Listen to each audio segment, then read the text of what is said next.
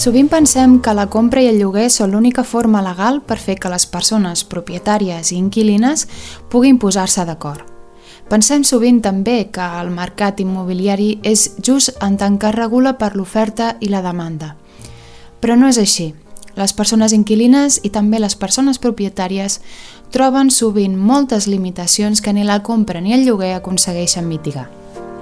La masoveria urbana és una alternativa d'accés a l'habitatge que, a diferència de la compra i el lloguer, sí ofereix solucions a algunes d'aquestes limitacions. La masoveria urbana o lloguer per obres és l'acord que succeeix quan una persona propietària d'un habitatge que necessita reformes l'ofereix a una persona inquilina per tal que aquesta responsabilitzi del cost de les obres a canvi de viure-hi durant un temps. Avui la Mar ens explicarà com ella i la Nela van arribar a un acord de masoveria urbana ajudant-se mútuament per rehabilitar part de la casa de la Nela i fer que la Mar tingués un lloc on viure. Aquí comença el cinquè capítol de El món no s'acaba. La Nela és la part propietària d'un immoble d'Altafulla que necessitava reformes per ser habitable. I la Mar buscava un lloc on viure. Amb dues van acordar que la Mar realitzaria les obres de reforma a la propietat de la Nela a canvi de poder-hi viure durant un temps. Moltes gràcies, Mar, per ser avui aquí i poder compartir la vostra experiència en impulsar el primer acord de masoveria, podríem dir, almenys eh, que coneguem, a Altafulla. Eh, primer de tot, eh, com us vau conèixer tu i la Nela?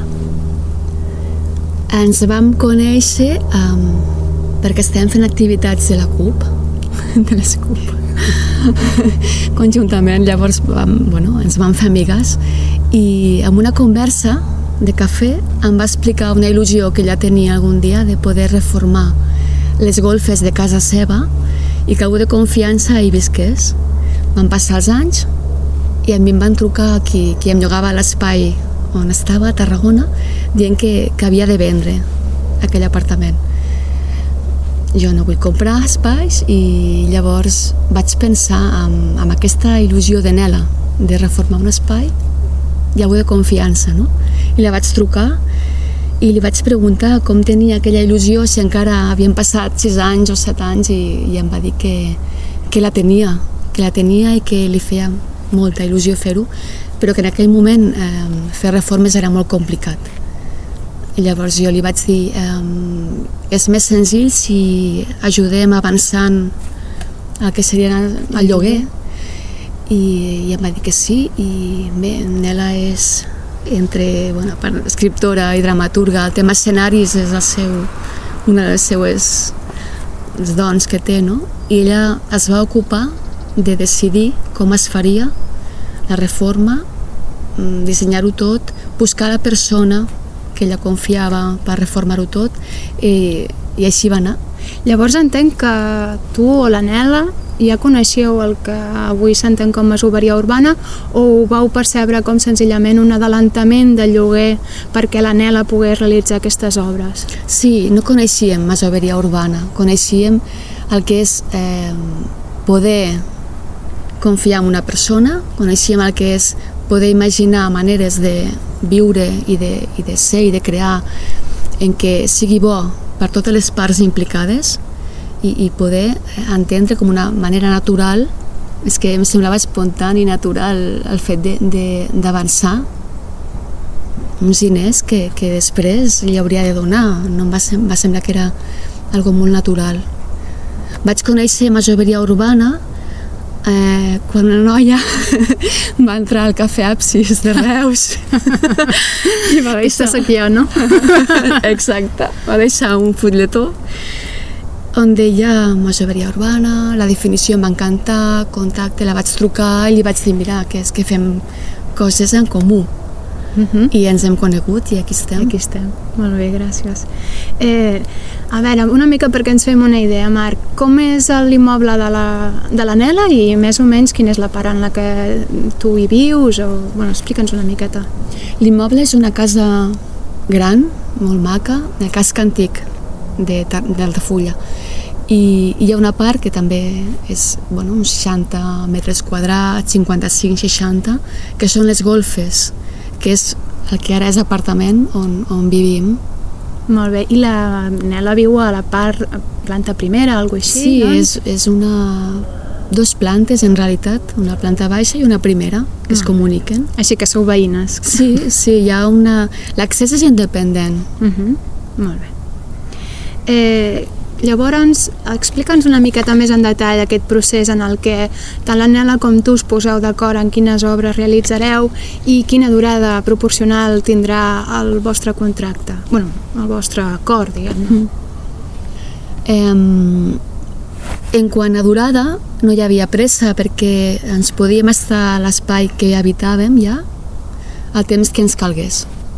El, el Michel ens va dir el que ens, us convingui fins a trobar un espai, per tant no hi havia pressa. El, Michi, el Michel qui és, perdona? Qui ens llogava l'espai a Tarragona. Ah, on ja vivíeu, és a dir, On ja vivíem. el, on vivíeu i per tant teníeu un marge de temps entre que s'acabaven les obres i es començaven, no?, per poder tenir un lloc on viure. Sí, no, no hi havia marge de temps.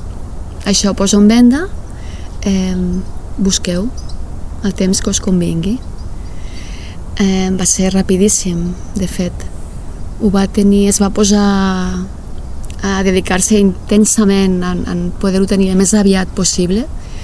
Va coincidir que, que va, va venir bueno, pandèmia, confinament, si no haguéssim anat molt abans i tot.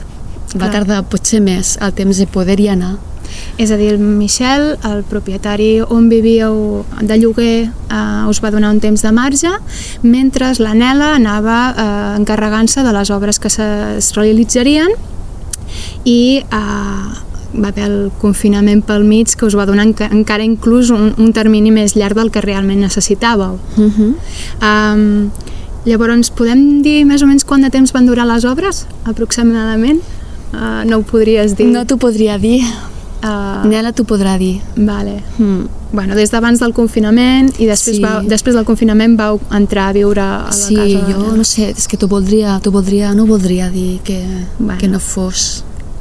Eh, llavors, eh, un cop acabades les obres, eh, deixeu el pis on, on vivíeu de casa de la propietat del Michel i us en aneu a viure a casa de Nela, no? Mhm. eh, viu sola? Vius amb més gent? Amb la meva parella, Molt bé. I algú de vosaltres va realitzar part de les obres? no. No, va ser No. tot eh, responsabilitat de la Nela. Sí. Però les eleccions dels materials, tot... Eh, Per cada elecció ens preguntava. mhm. La resposta sempre era confiem en tu, Molt bé. endavant. Eh, de vegades, eh, colors, aquest color, aquest altre, o t'agrada més, o...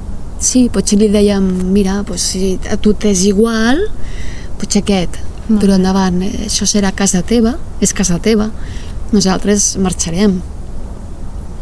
Molt bé, i ja així com per acabar, uh, quines dificultats uh, creus que vau tindre per uh, arribar a aquest acord i, i si, si tinguessis algun consell per qualsevol persona, tant persona propietària o inquilina, que volgués iniciar un projecte d'aquest tipus?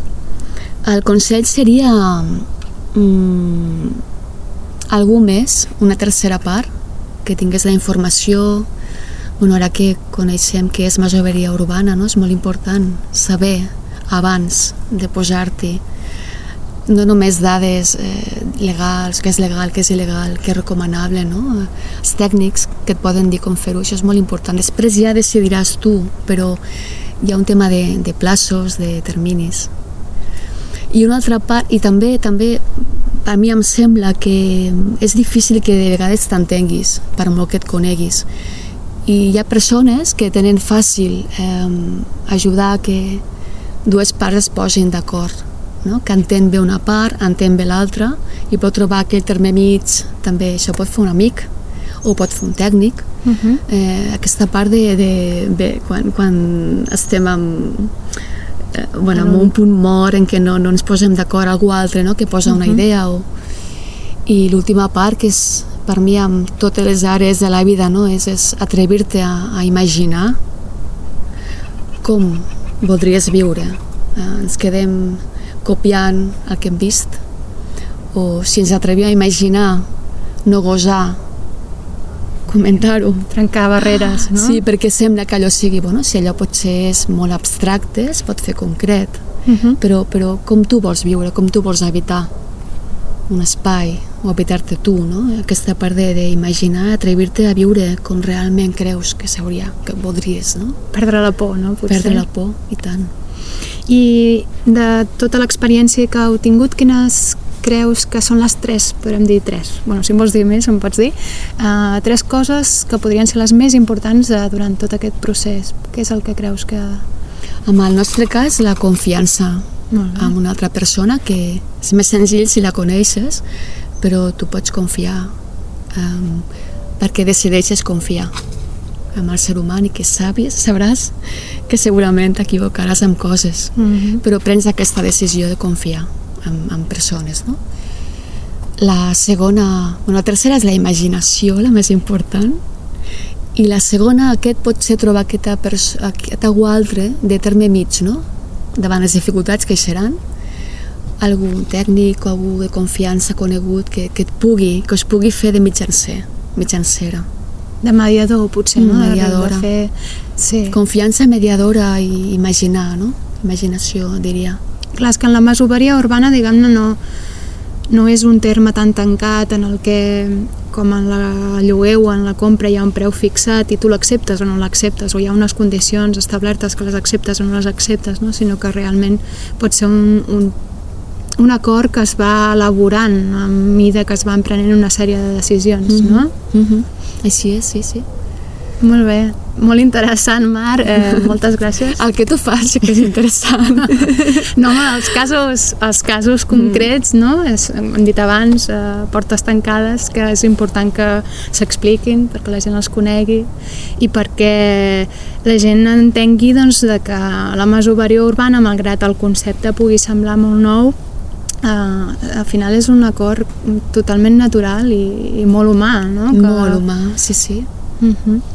Molt bé, doncs moltes gràcies. A tu. Adéu. Parlant amb la Mar, he après que seguir la llei no és l'única forma per fer que les persones ens entenguem. L'ésser humà va crear l'estat de dret per millorar la convivència dins la societat, però també pot arribar a ser immoral i injusta. Canviar-la comporta un llarg procés burocràtic en el que els estats i les dinàmiques mercantilistes ofereixen resistència. Les persones, en canvi, podem evolucionar més ràpid i tenim la capacitat innata d'entendre els matisos d'un acord entre dues persones que es necessiten i s'ajuden. La Nela i la Mar ho han fet possible. És hora ja de fer volar la imaginació, donar vida als habitatges buits i donar prioritat a la responsabilitat col·lectiva i l'entesa entre les persones? Fins aquí el capítol d'avui. Podeu fer qualsevol comentari o explicar-nos si heu viscut alguna experiència semblant a través d'Instagram a arroba nudg o enviant un correu electrònic a nuriadomingo arroba zohomail.com El món no s'acaba.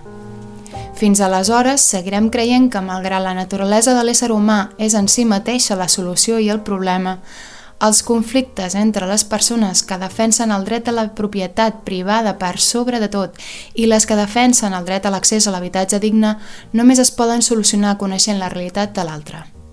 Arribarem a temps?